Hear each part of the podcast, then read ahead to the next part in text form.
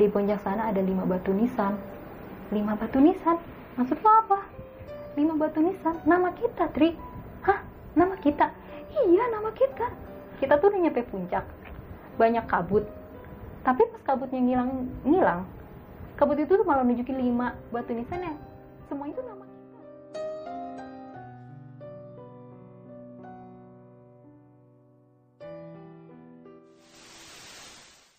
mereka tuh udah pacaran hampir setahun tri kayak gitu. Ya, ya di situ gue kaget dong. Kenapa lu kok nggak pada bilang sama gue sih gitu ya? Kenapa diem diem kayak gini? Bukan apa apa kita gimana ya? Sama-sama gak enak tri. Esa temen gue temen kita. Feby juga temen kita. Gue tahu ini salah tapi gue juga gak bisa buat ceritain ke lu saat itu. Sedangkan gue taunya tuh Jo tuh sebenarnya suka sama lu kata Robi cuman karena saking gak enak sama Esa ya dia lebih milih diem aja. Karena gue di situ udah terlanjur kesel sama Robi sama mereka mereka juga pas tahu busuknya kayak gitu. Gue jadi sempat agak cuek sama Robi. Gue udah agak nggak peduli sama kondisi dia. Ya udah mulai kedinginan gue sempet diemin dia tuh sebentar. Mungkin salahnya gue di situ kali karena gue terlalu terbawa emosi. Jadi gue nggak peduli sama kondisi dia dan akhirnya setelah gue mencoba menenangkan diri ya udah ini ini masalah ini bisa dibawa nanti. Yang penting kita semua turun dengan selamat. Gue dalam hati bilang kayak gitu dan pas gue goyang-goyangin tubuhnya si Robi dia masih sadar. Ya udah Rob nggak apa-apa lupain aja. Intinya lu harus bisa sadar Rob. Lu jangan sampai ketidur please lu jangan sampai tidur.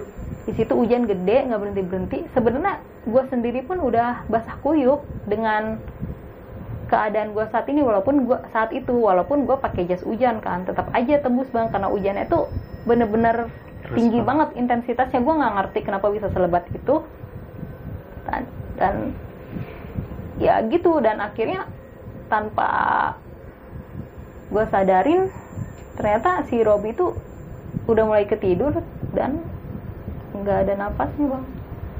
Dan di situ gue kayak ngerasa bersalah juga maksudnya nggak bisa nolonginnya dan sempet hirau sama dia kan. Hmm. jadi gue langsung bingung tuh duh ini gimana? Dia mati di deket gue gitu loh. Gue nggak bisa berbuat banyak atau gimana gue goyang-goyang gini bener rup rup. Dia bilang mau mati ya malah mati beneran gitu kan. Maksud gue kenapa sih lo harus ngomong kayak gitu gitu? Jadi menurut gue gue ini nggak bisa nanganin hiponya dia ya karena gimana ya gue juga bukan orang yang berpengalaman gue nggak begitu tahu cara menangani orang hipo. Gue udah tampar-tampar dia tapi dia nggak nyadar juga. Dan sampai akhirnya ya gitulah dia. Akhirnya dia membuskan nafasnya di shelter itu. Di situ gue ada sempet nangis nangis tapi campur bingung juga. Gue harus hmm. gimana nih? Sedangkan udah mau maghrib hmm. udah jatuh malam gue ketakutan setengah mati misalkan gue di situ aja. Disedangkan di sebelah gue temen gue ini udah nggak ada nyawanya gitu. Dan akhirnya gue memutuskan buat bongkar karirnya si Robi. Gue ambilin segala logistik yang masih bisa gue pakai nanti sama kameranya dia juga itu gue bawa. Gue bawa akhirnya gue memberanikan diri buat trekking malam turun dari pos 3 menuju pos 2 di situ gue takut tapi ya mau gimana lagi situasinya kayak gitu? Hmm. kenapa hal yang gue takutin malah terjadi gitu?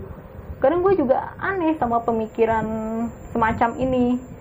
Nah namanya terki malam kan ya bang? Gak mungkin lah kita di tempat kayak gitu nggak diganggu sama hal-hal yang lain kan? Kayak ngedenger suara cewek nangis lah terus manggil-manggil gue dari arah jurang itu lah. Gue ngedenger cuman karena gue nggak punya pilihan lain gue cuma bisa fokus sama jalur yang sedang gue laluin. Gue cuma memfokuskan pandangan gue ke arah bawah karena itu terjal kan supaya gue nggak salah injek batu atau apa. Jadi pandangan gue tetap ke bawah. Gue nggak peduli sama sisi kiri sisi kanan gue ada apa. Gue berusaha tutup telinga gue rapet-rapet. Yang penting gue bisa selamat. Dan sepanjang perjalanan menuju pos 2 itu gue baca ayat kursi sampai berkali-kali. Tapi tetap aja walaupun gue baca tetap aja suara suara itu kedengeran. Malah sem, semisal nih semisal gue baca ayat kursinya makin keras suaranya juga makin keras. Kata gue kok nggak mempan? gitu loh. Jadinya gue ketakutan setengah mati ini harus gimana? Gue baca ayat kursi aja malah kedengeran suara cewek nangis itu. Nah nggak lama ada yang manggil gue di belakang. Fit gue pikir ini suara aneh yang sempat gue dengar sebelumnya Hmm. tapi pas gue telaah lagi suaranya dia manggil gue dua kali fit tungguin gue. Gitu. Pas gue beraniin nengok ke belakang gue pakai headlamp gue gua center ternyata itu si Feby. Feby ternyata udah nyusulin gue di belakang. Kata gue cuman gimana ya pas gue ngeliat muka dia gue lagi kepikiran yang si Robi bilang itu yang dia ada main sama si Esa. Hmm. jadi gue agak sempat kesel pas dia manggil gue acuh tuh. Gue tetap lanjut turun ke bawah gue kesulut emosi kan. Terus Tri tungguin gue kok lu kenapa lanjut aja? Gue denger dia teriak kayak gitu. Tapi sampai akhirnya gue mencoba berhenti lah. Gue berhenti dulu sampai akhirnya dia datang mendekat ke gue terus gue tanya lah lu kenapa turun? Gue udah nggak tahan di atas dingin banget kata dia. Kata dia gitu. Lu lihat deh badan gue panas banget kata dia gitu. Pas gue pegang badannya iya emang panas banget bang. Kata gue nih anak pas di atas sudah demam. Pas nyampe ke gue demamnya makin parah. Ya gue nggak nyalahin dia sih kalau dia turun duluan. Cuman gue ada sempet ngomelin dia secara langsung. Bilang gini "Lah, terus Jo dia gimana di atas? Ya gue juga mikirin diri gue sendiri lah kata dia gitu ya. Gue juga nggak tahu Jo masih hidup atau enggak. Orang udah nggak ada suaranya lagi gue panggil panggil kata si Feby gitu. Terus gue refleks saat itu gue agak dorong badannya si Feby gue dorong dikit. Terus dia kayak langsung jatuh gitu kan. Kalau ninggalin si Jo sih? Ya lu nggak lihat kondisi gue udah kayak gini gue juga mikirin diri gue sendiri Tri. Gue juga udah sempet panggil panggilin si Jo. Dia nggak ada suara ya mungkin aja dia juga udah mati kena hipo kata si kata si Feby gitu. Terus dia nanya terus Robi mana? Gue kasih tahu aja Robi juga udah kena hipo tadi. Serius? Iya gue serius gue lihat di situ mimiknya langsung berubah ketakutan kayak gitu. Dan gue bilang yang Robi bilang ke gue tadi Robi juga udah bilang sih soal hubungan lu sama si Esa kata gue gitu ya. Nah dari situlah dia langsung kayak memelas minta maaf ke gue Tri sorry ya gue minta maaf gini-gini tapi please jangan dibahas dulu di sini. Lu nyadar nggak sih kondisi kita ini lagi nggak baik-baik aja? Esa nggak balik-balik lagi Jo sama Robi ya mungkin aja emang udah mati. Terus tinggal sisa kita doang di sini. Please lu jangan bahas masalah ini di sini dulu ya kata si Feby gitu kan. Terus ya gue mencoba mengiyakan apa kata dia sih karena emang bener juga. Situasi kita tuh bukan situasi yang tepat buat buat bahas hal kayak gini. Nah di situ gue coba menenangkan diri meredam emosi gue soal tadi. Akhirnya gue trekking bareng sama si Feby buat menuju pos 2 malam-malam nih. Nah karena kita juga belum begitu hafal sama jalurnya dan jalurnya itu terjal juga akhirnya kita cuma bisa jalan pelan pelan karena takut kepleset lagi apalagi kakinya si Feby itu gue lihat perbannya kayak agak gue buka sedikit Hmm. saat itu udah agak bengkak gitu. Nah di situlah si Feby mulai tersenggal-senggal gitu kayak gue nggak kuat gue nggak kuat. Padahal di situ kita tuh belum nyampe pos 2 sama sekali. Nggak tahu kenapa perjalanan saat itu terasa lama bang dibandingkan pada saat naik. Dan di situ pun ya udahlah. Gue juga takut kan untuk terus ke bawah. Kita memutuskan untuk menepi ke sisi kanan jalur. Di situ ada semacam pohon gede yang bisa dipakai buat berteduh di sana dan gue masih menyesalkan banget sih kenapa kita bawa tenda satu. Coba aja kalau misalkan gue bawa tenda cadangan atau apa mungkin kita nggak bakal kehujanan kayak gini. Kita bisa bikin tenda seenggaknya untuk mengurangi resiko kedinginan di luar kan. Jadi di situ kita cuma bisa berteduh di bawah pohon besar yang sebenarnya masih menetes. Cukup deras juga hujan ya. Cuman gak lama pas kita udah neduh di pohon agak lama hujan udah agak mulai kecil tuh bang. Udah mulai kecil. Di situ gue khawatir sama kondisinya si Feby. Badannya udah demam kayak gitu. Gue juga nggak bawa paracetamol lagi. Di situ gue cuman bisa kasih makanan yang gue ambil dari carrier si Robi gue kasih nih lu makan dulu makan dulu. Karena pas yang di kaki dia pas dia jatuh ke jurang itu gue ingat segala logistik dia sama baju-baju dia tuh dikasih ke carriernya si Esa. Jadi pas nanjak dari jalur yang salah itu dia nggak bawa apa-apa. Hmm. jadilah si Feby tuh nggak ada bahan logistik atau apa. Pas gue kasih makanan gue dia kayak kelaparan banget. Gue juga baru inget oh iya segala logistik lu kan waktu kemarin siang tuh kan dikasih ke si Esa ya? Iya karena gue nggak boleh bawa carrier kan karena udah jatuh juga. Nah di situ gue coba kasih baju gue ke dia dia ada sempat ganti baju juga kan udah sempat basah karena gue takut dia kena hipo atau apa. Dan kita memutuskan buat tidur di bawah pohon itu dengan keadaan yang seadanya aja. Dengan sleeping bag yang ada tanpa tenda dan dibilang nyenyak sih enggak. Gue tetap ketakutan. Apalagi kita tidur di alam terbuka yang secara nggak langsung gue lihat di situ banyak pohon-pohon gede yang nggak tahu itu apa gue tidur terlentang kan. Di atas gue kayak ada yang terbang-terbang aja. Tapi terbangnya itu cepet putih-putih gitu dan gede. Ada kali apa panjangnya itu lebih dari tinggi manusia normal. Nah itu tuh terbang-terbangan terus di atas gue selibet-selibet gitu dan gue cuma bisa baca doa dalam hati dan berharap gue bisa tidur dengan nyenyak pas gue mencoba untuk memejamkan mata gue dengar kayak ada suara lebih percis mirip suara anak ayam sih bang sebenarnya hmm. dibandingkan kayak suara cewek. Tapi gue pikir mana ada anak eh, mana ada suara anak ayam di sini gitu. Cuman gue udah nyadar ini pasti gangguan. Ini pasti gangguan namanya kita lagi ada di tempat tempat bersemayamnya yang begitu gitulah namanya di gunung. Apalagi nih gunung masih vegetasinya masih rapet banget kan bang? Gue mencoba buat tidur dan dan di sinilah hal yang gak gue sangka-sangka tuh terjadi. Pas gue bangun gue bangun duluan kan. Terus gue ada goyangin badannya si Feby di sebelah gue Feb bangun. Dan di situ tuh badannya udah nggak panas. Malah dingin. Kata gue kok dingin banget? Gue gini giniin kok nggak bangun bangun di situ gue udah mikir yang aneh-aneh tuh. Apa jangan-jangan nih anak juga kena hipo atau apa pas lagi tidur. Nah gue mencoba buat meyakinkan diri gue gue taruh tangan gue di hidung dia. Maksudnya untuk memastikan ada nafasnya atau enggak. Gue sebenarnya agak agak takut juga karena gue takut kenyataannya emang dia tuh udah meninggal gitu. Pas gue giniin gue giniin tangan gue ke hidungnya nggak ada nafasnya kan? Nggak ada nafasnya dan tapi gue masih menyangkal.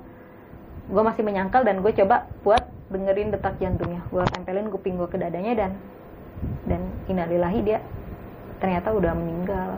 Gue nggak tahu meninggal kapan tapi pas bangun dia udah nggak ada dan tubuhnya tuh udah dingin. Di situ gue sedih sedih campur takut juga.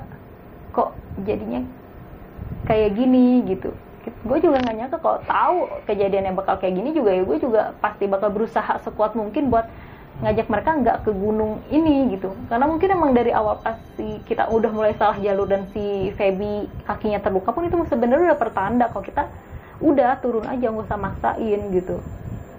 Akhirnya gue cuman bisa nangis saat itu dan gue nggak tahu apa yang harus gue lakuin. Selain gue harus tetap gerak jalan ke bawah karena gue juga nggak mungkin terus-terusan di sana. Siapa tahu gue bisa selamat dan nginfoin ke orang bawah kalau di atas sana temen gue tuh meninggal di tempat yang berbeda. Ya udahlah dengan perasaan yang kalut banget saat itu gue tetap turun coba turun terus ke bawah sampai akhirnya titik lemah gue mulai muncul di situ. Gue yang dari kemarin itu stamina gue gue akuin masih kuat atau apa di situ gue udah mulai pasrah udah mulai lemah. Karena pas mau nyampe pos 2 gue udah lihat pelan pos 2 itu. Di situ kepala gue udah mulai pusing. Gue nggak tahu apa yang gue lihat di bawah itu. Gue lihat ada segerombolan orang. Tapi gue nggak jelas segerombolan orang itu siapa. Mereka ini mengenakan pakaian yang berbeda-beda gue lihat di bawah sana kayak manggil kayak melambaikan tangan ke gue melambaikan tangan ke gue gini sambil manggil-manggil nama gue Fitri Fitri gitu.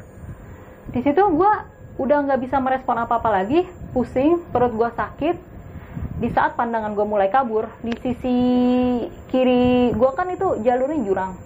Di situ gue sekilas ngeliat Feby ada di situ. Feby diri di jurang itu sambil tersenyum ke arah gua. Tapi bedanya di situ matanya hitam banget dan mukanya pucat pasi. Kayak orang kurang darah gitu. Nah di situ gue sempat sempat nggak sadar kok Feby di situ? Bukannya tadi lagi tidur sama gua? Semalam kata gua gitu dalam hati kan.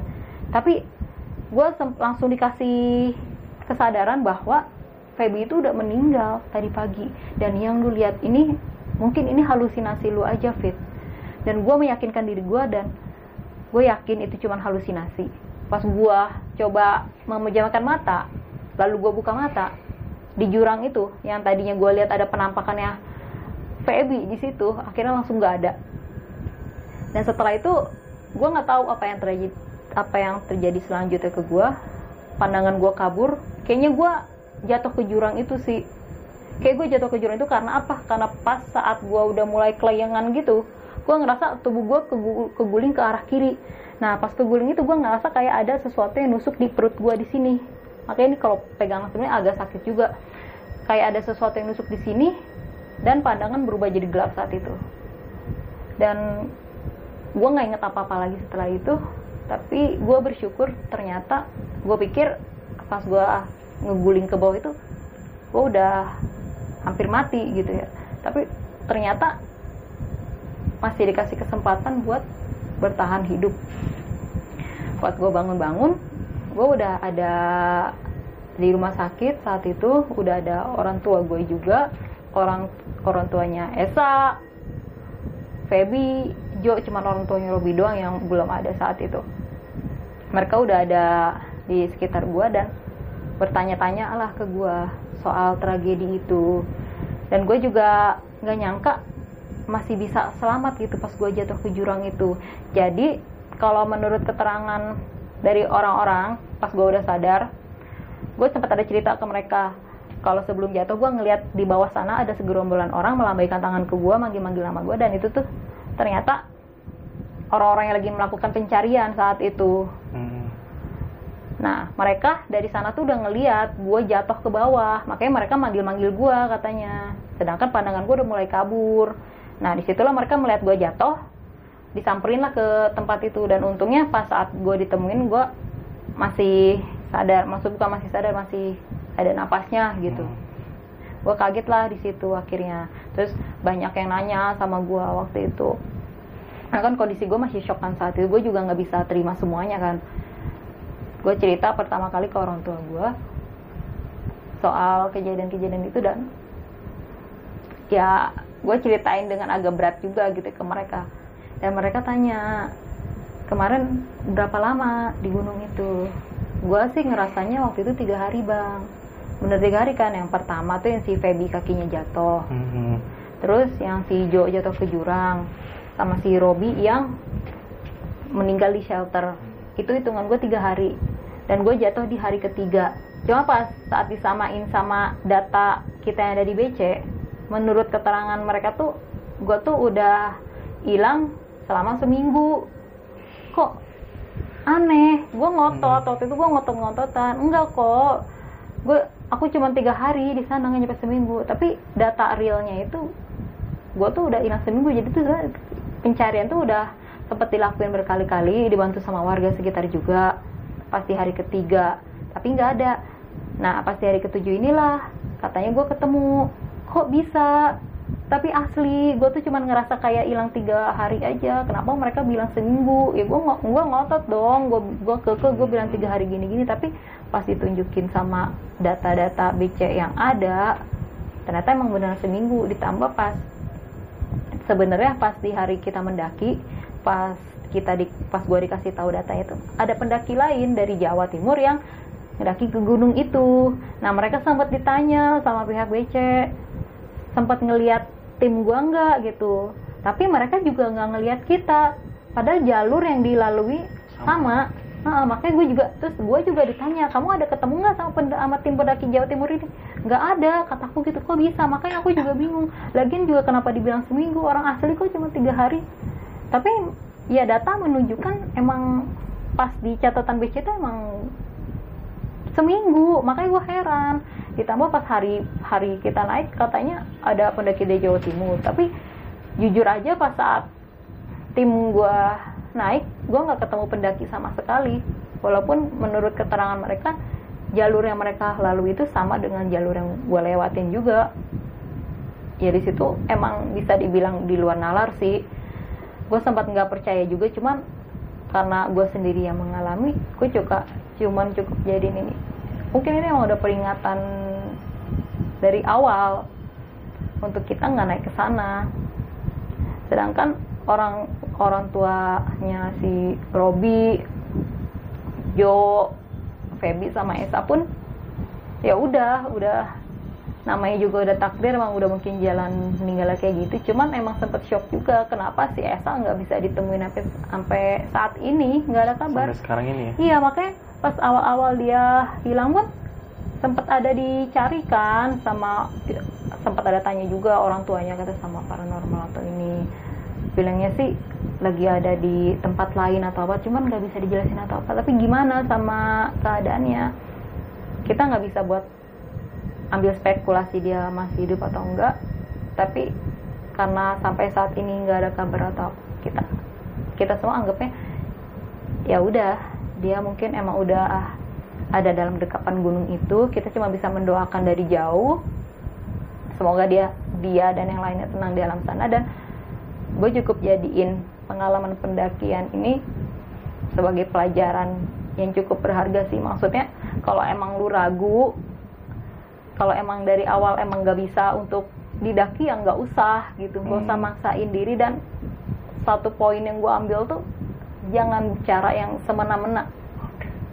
Mungkin karena emang sih kita ngerasa nggak melakukan kesalahan apa-apa. Tapi mungkin kesombongan yang ada di diri kita lah yang bisa terbaca oleh situasi gunung tersebut yang di mana mereka bisa baca pikir ini orang sombong atau gimana? Makanya kan kalau di gunung katanya jangan bicara yang sembarangan atau gimana karena gue ngalamin sendiri gitu. Sayangnya lagi pada saat itu yang banyak teman-teman gue tuh belum banyak yang mendaki juga ya. Jadi mereka-mereka ini pas tahu kejadiannya kayak gini cuma bisa bilang ya lagian sih cari mati ngapain pergi ke tempat kayak gitu gini gini gini? Ya kan sebenarnya kan karena ini karena keinginannya sama sama Esa juga kan karena dia pengen diajak ke situ. Cuman kita juga nggak bisa nolak karena itu keinginan spesialnya dia di hari ulang tahunnya. Tapi ya ya udah semua udah terjadi dan kita nggak bisa balikin itu semua. Intinya ambil pelajaran yang positif aja dari hal ini. Dan gue sempat ada vakum juga tuh sempat itu tuh pertama kali gue mendaki dan sempat nggak mau mendaki saat itu. Cuman setelah gue pikir-pikir itu bukan jadi alasan utama gue buat berhenti sampai di situ karena pada kenyataannya gue pun mulai suka dengan hal-hal pendakian. Cuman di sini gue lebih selektif lagi dalam memilih partner dan lebih jaga-jaga lagi supaya hal buruk yang terjadi di masa lalu tuh nggak terjadi lagi.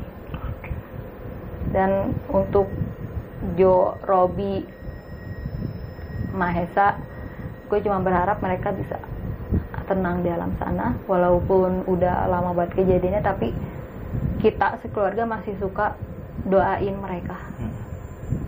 kadang setiap malam Jumat juga kalau misalkan lagi ada pengajian kayak gitu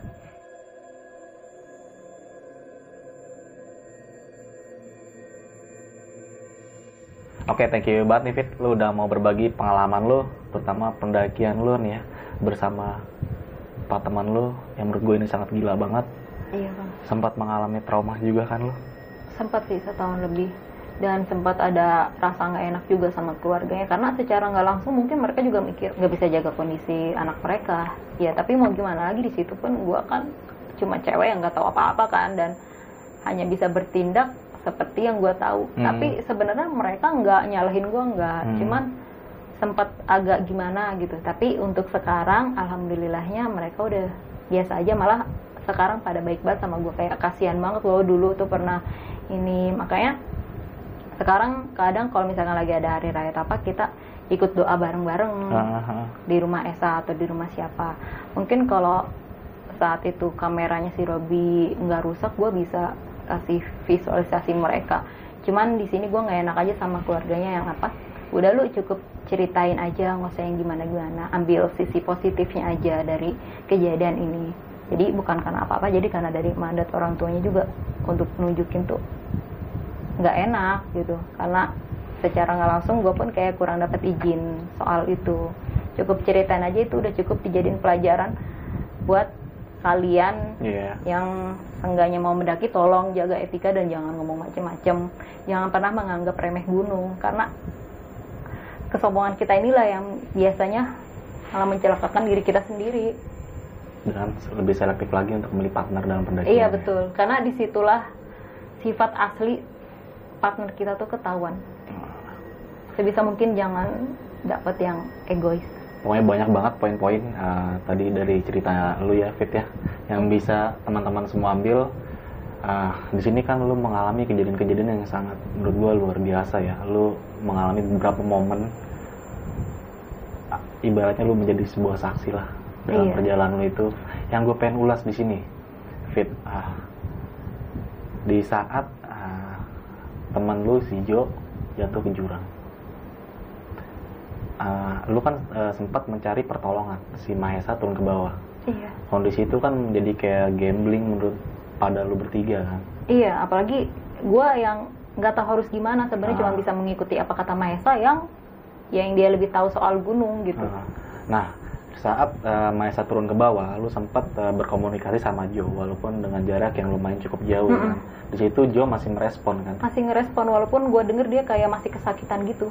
Ah. tapi di situ tuh masih alhamdulillah banget dia masih hidup tapi ya takdir berkata lain. Mungkin dia nggak nggak bisa bertahan selama itu. Dan Jo pada akhirnya dievakuasi juga dari jurang itu. Evakuasi juga. Dan benar apa kata Feby dia udah nggak ada. Tapi gua nggak tahu situasinya pada saat Feby nyamperin gue ini si Hmm. Jo emang udah beneran meninggal atau belum itu kan keterangan dari Feby Mm-mm. yang ngira kalau si Jo udah meninggal pas dia turun karena nggak ada sahutan mungkin benar apa kata Feby meninggalnya pas dia sebelum turun emang udah meninggal karena udah nggak nyaut lagi kondisi makin kalut akhirnya lu memutuskan untuk turun ke bawah menyamperin Mahesa yang nggak kunjung datang ya Iya, karena di situ pun gue juga nggak mungkin berdiam diri di situ, karena situasi udah nggak memungkinkan. Kalau misalkan gue di situ yang ada, gue takut kayak mereka juga. Mau nggak mau ya gue harus menggerakkan diri gue sendiri untuk beraniin diri sendiri seorang diri turun, walaupun setelah hampir setengah mati juga gue ngelakuinnya. Ah, di sini lu menyaksikan teman lu Robi meninggal di samping lu. Dalam ah, keadaan yang tadi lu sempat bilangin kedinginan ya dia. Halusinasi yang tadi sempat lu sebut juga adalah hipotermia. Menurut gue dia hipotermia. Nah, di saat kondisi dia beri halusinasi dia sempat melihat sosok Esa di balik Iya, pohon. itu yang bikin gue heran. Gue sempet mikir apa beneran Mahesa karena emang kan Mahesa belum ada balik-balik kan. Hmm. Cuman pas gue lihat ke balik pohon nggak ada. Tapi Robin ngotot itu ada Mahesa di balik pohon tapi gue nggak lihat ada Esa. Makanya gue anggap dia tuh halusinasi aja mungkin karena dia kepikiran Esa yang belum balik-balik. Di mana yang lu rasain fit Ah, menyaksikan teman lu meninggal di samping lu sendiri? Sebenarnya perasaan gue sendiri tuh sedih sih pasti ya. Tapi sebenarnya lebih ke apa ya panik juga sih. Karena kenapa gue lebih ke panik? Karena gue secara nggak langsung kayak nggak bisa jaga kondisi mereka. Itu yang yang kadang bikin gue merasa bersalah. Coba aja kalau saat itu mungkin gue lebih reaktif sama kondisi mereka atau sempet nggak pakai acara marah segala mungkin nggak menutup kemungkinan dia masih bisa gue selamatin dengan gue terus. Ayo jangan tidur jangan tidur.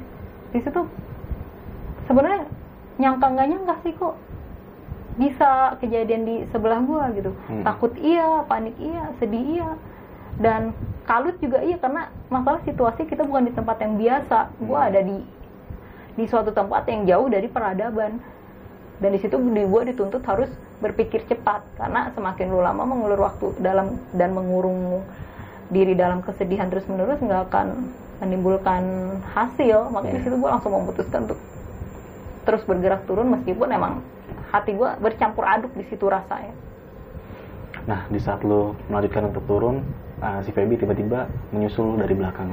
iya itu kondisinya udah malam ya bang Hmm. udah malam Jam dan berapa itu, Fit, kalau boleh tahu? Nah di situ gue ngeperhatiin bang jamnya di situ. Gue nggak sempat lihat jam, cuman gue lebih ke fokus sama pas si Feby datang sama pas lagi tidur. Pas mulai nyam, pas mulai tidur di pohon itu, gue sempet ada lihat jam. Gue ingat itu sekitar jam 10 jam 10-an itu. Gue udah mulai tidur. nah ya pas bangun pun gue nggak inget jam berapa tapi perkiraan sih masih cukup pagi yang pasti Feby udah nggak ada pas gue bangun Nah, di saat lu melihat eh, kembali teman lu meninggal di samping lu, yang lu rasakan pada saat itu gimana? Fit, lu dua kali mengalami hal yang sama nih. sedih plus heran juga sih kok kok bisa gitu ya sama-sama di sebelah gua gue itu sempet kepikiran apa jangan-jangan mimpinya si Robi ini bener gue kaget gue kaget dan gue bingung juga apa yang harus gue ceritain nanti ke orang tua mereka. Belum tentu kan mereka nerima penjelasan gue bisa aja mereka bilang ah kamu ngarang kan yang di sana cuma ada kamu mana tahu kejadian sebenarnya.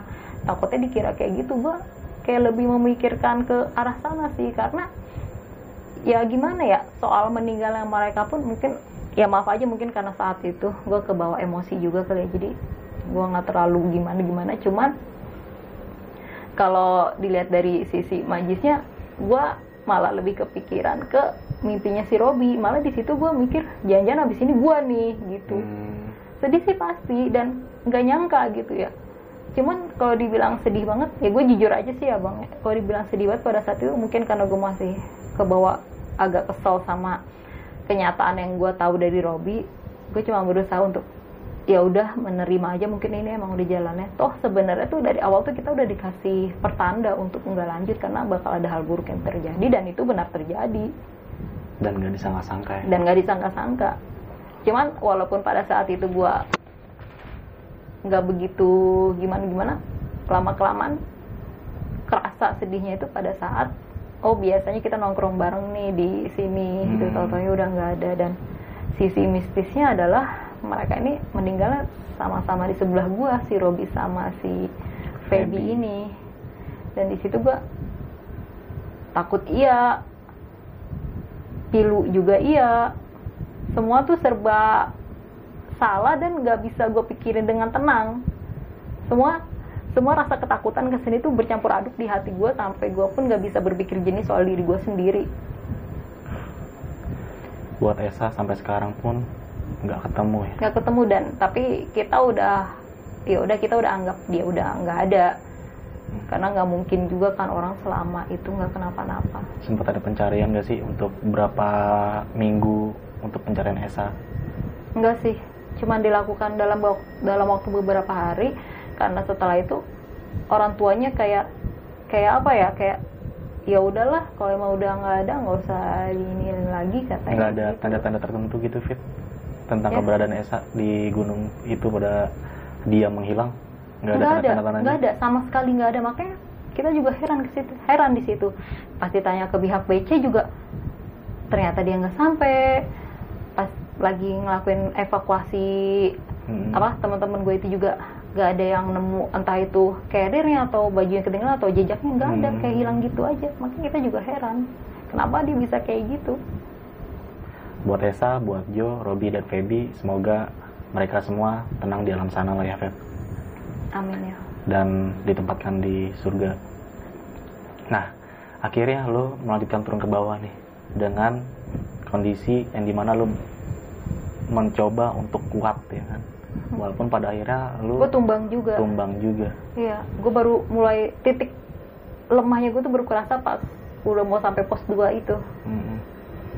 di situ pikiran gue udah nggak karuan lagi dan gue udah pasrah sih pas gue nyadar kalau gue jatuh ke jurang gue udah nyadar kalau ya udah mungkin ini emang waktu gue dan mungkin mimpinya Robi tuh emang bener gitu Mm-mm. semua ini hal mistis yang paling berdampak dalam hidup gue karena apa? Karena ini kita tuh bukan cuma sekedar diganggu ya. Jadi keyakinan gue tuh ada peran hal lain yang ikut mencelakai kita. Ya mungkin emang dari kita yang melakukan kesalahan yang tanpa kita sadari mungkin. Mm-mm. cuman kita juga nggak tahu apa tapi intinya ya, ya gue minta maaf gitu kalau misalkan emang ada salah atau apa gitu.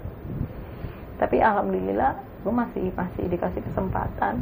Untuk hidup ya. Dalam kondisi saat lo sadar lo ada di rumah sakit. iya Nah di sini gue agak bingung nih Fit nih. Ah, di data ah, pihak ah, BC ya di situ lu hilang udah tujuh hari sedangkan lu merasa baru tiga hari tiga hari sama sepemikiran gue tuh hari pertama yang pasti Feby jatuh Mm-mm. kita nginep tuh nah pagi yang hari kedua yang si Jo jatuh ke jurang dan hari ketiga yang paginya itu Feby udah nggak ada sampai akhirnya gue ditemuin kan jatuh ya gue ngerasa selama di gunung gue cuma mengalami hal-hal itu dan yang ada satu keterangan lagi yang anehnya Hmm. pas gue cerita lokasi kematiannya Robi di mana gue bilang dia meninggal di shelter sekitar pos 3 Hmm. pas pas dilakuin pencarian jasadnya itu ada di bawah pohon yang dia tunjuk-tunjuk ada mahesanya dan ternyata di situ tuh nggak ada shelternya. Dan gue asli gue resep kok nggak ada shelter? Sedangkan gue bilang dia meninggal menghembuskan napas terakhirnya itu di shelter yang ada di sekitaran pos 3 tapi data menunjukkan kalau misalkan dia itu ketemunya di bawah pohon ya ternyata pohon yang dia tunjuk ada si Esanya itu dia terletak di situ dan nggak ada shelter di situ.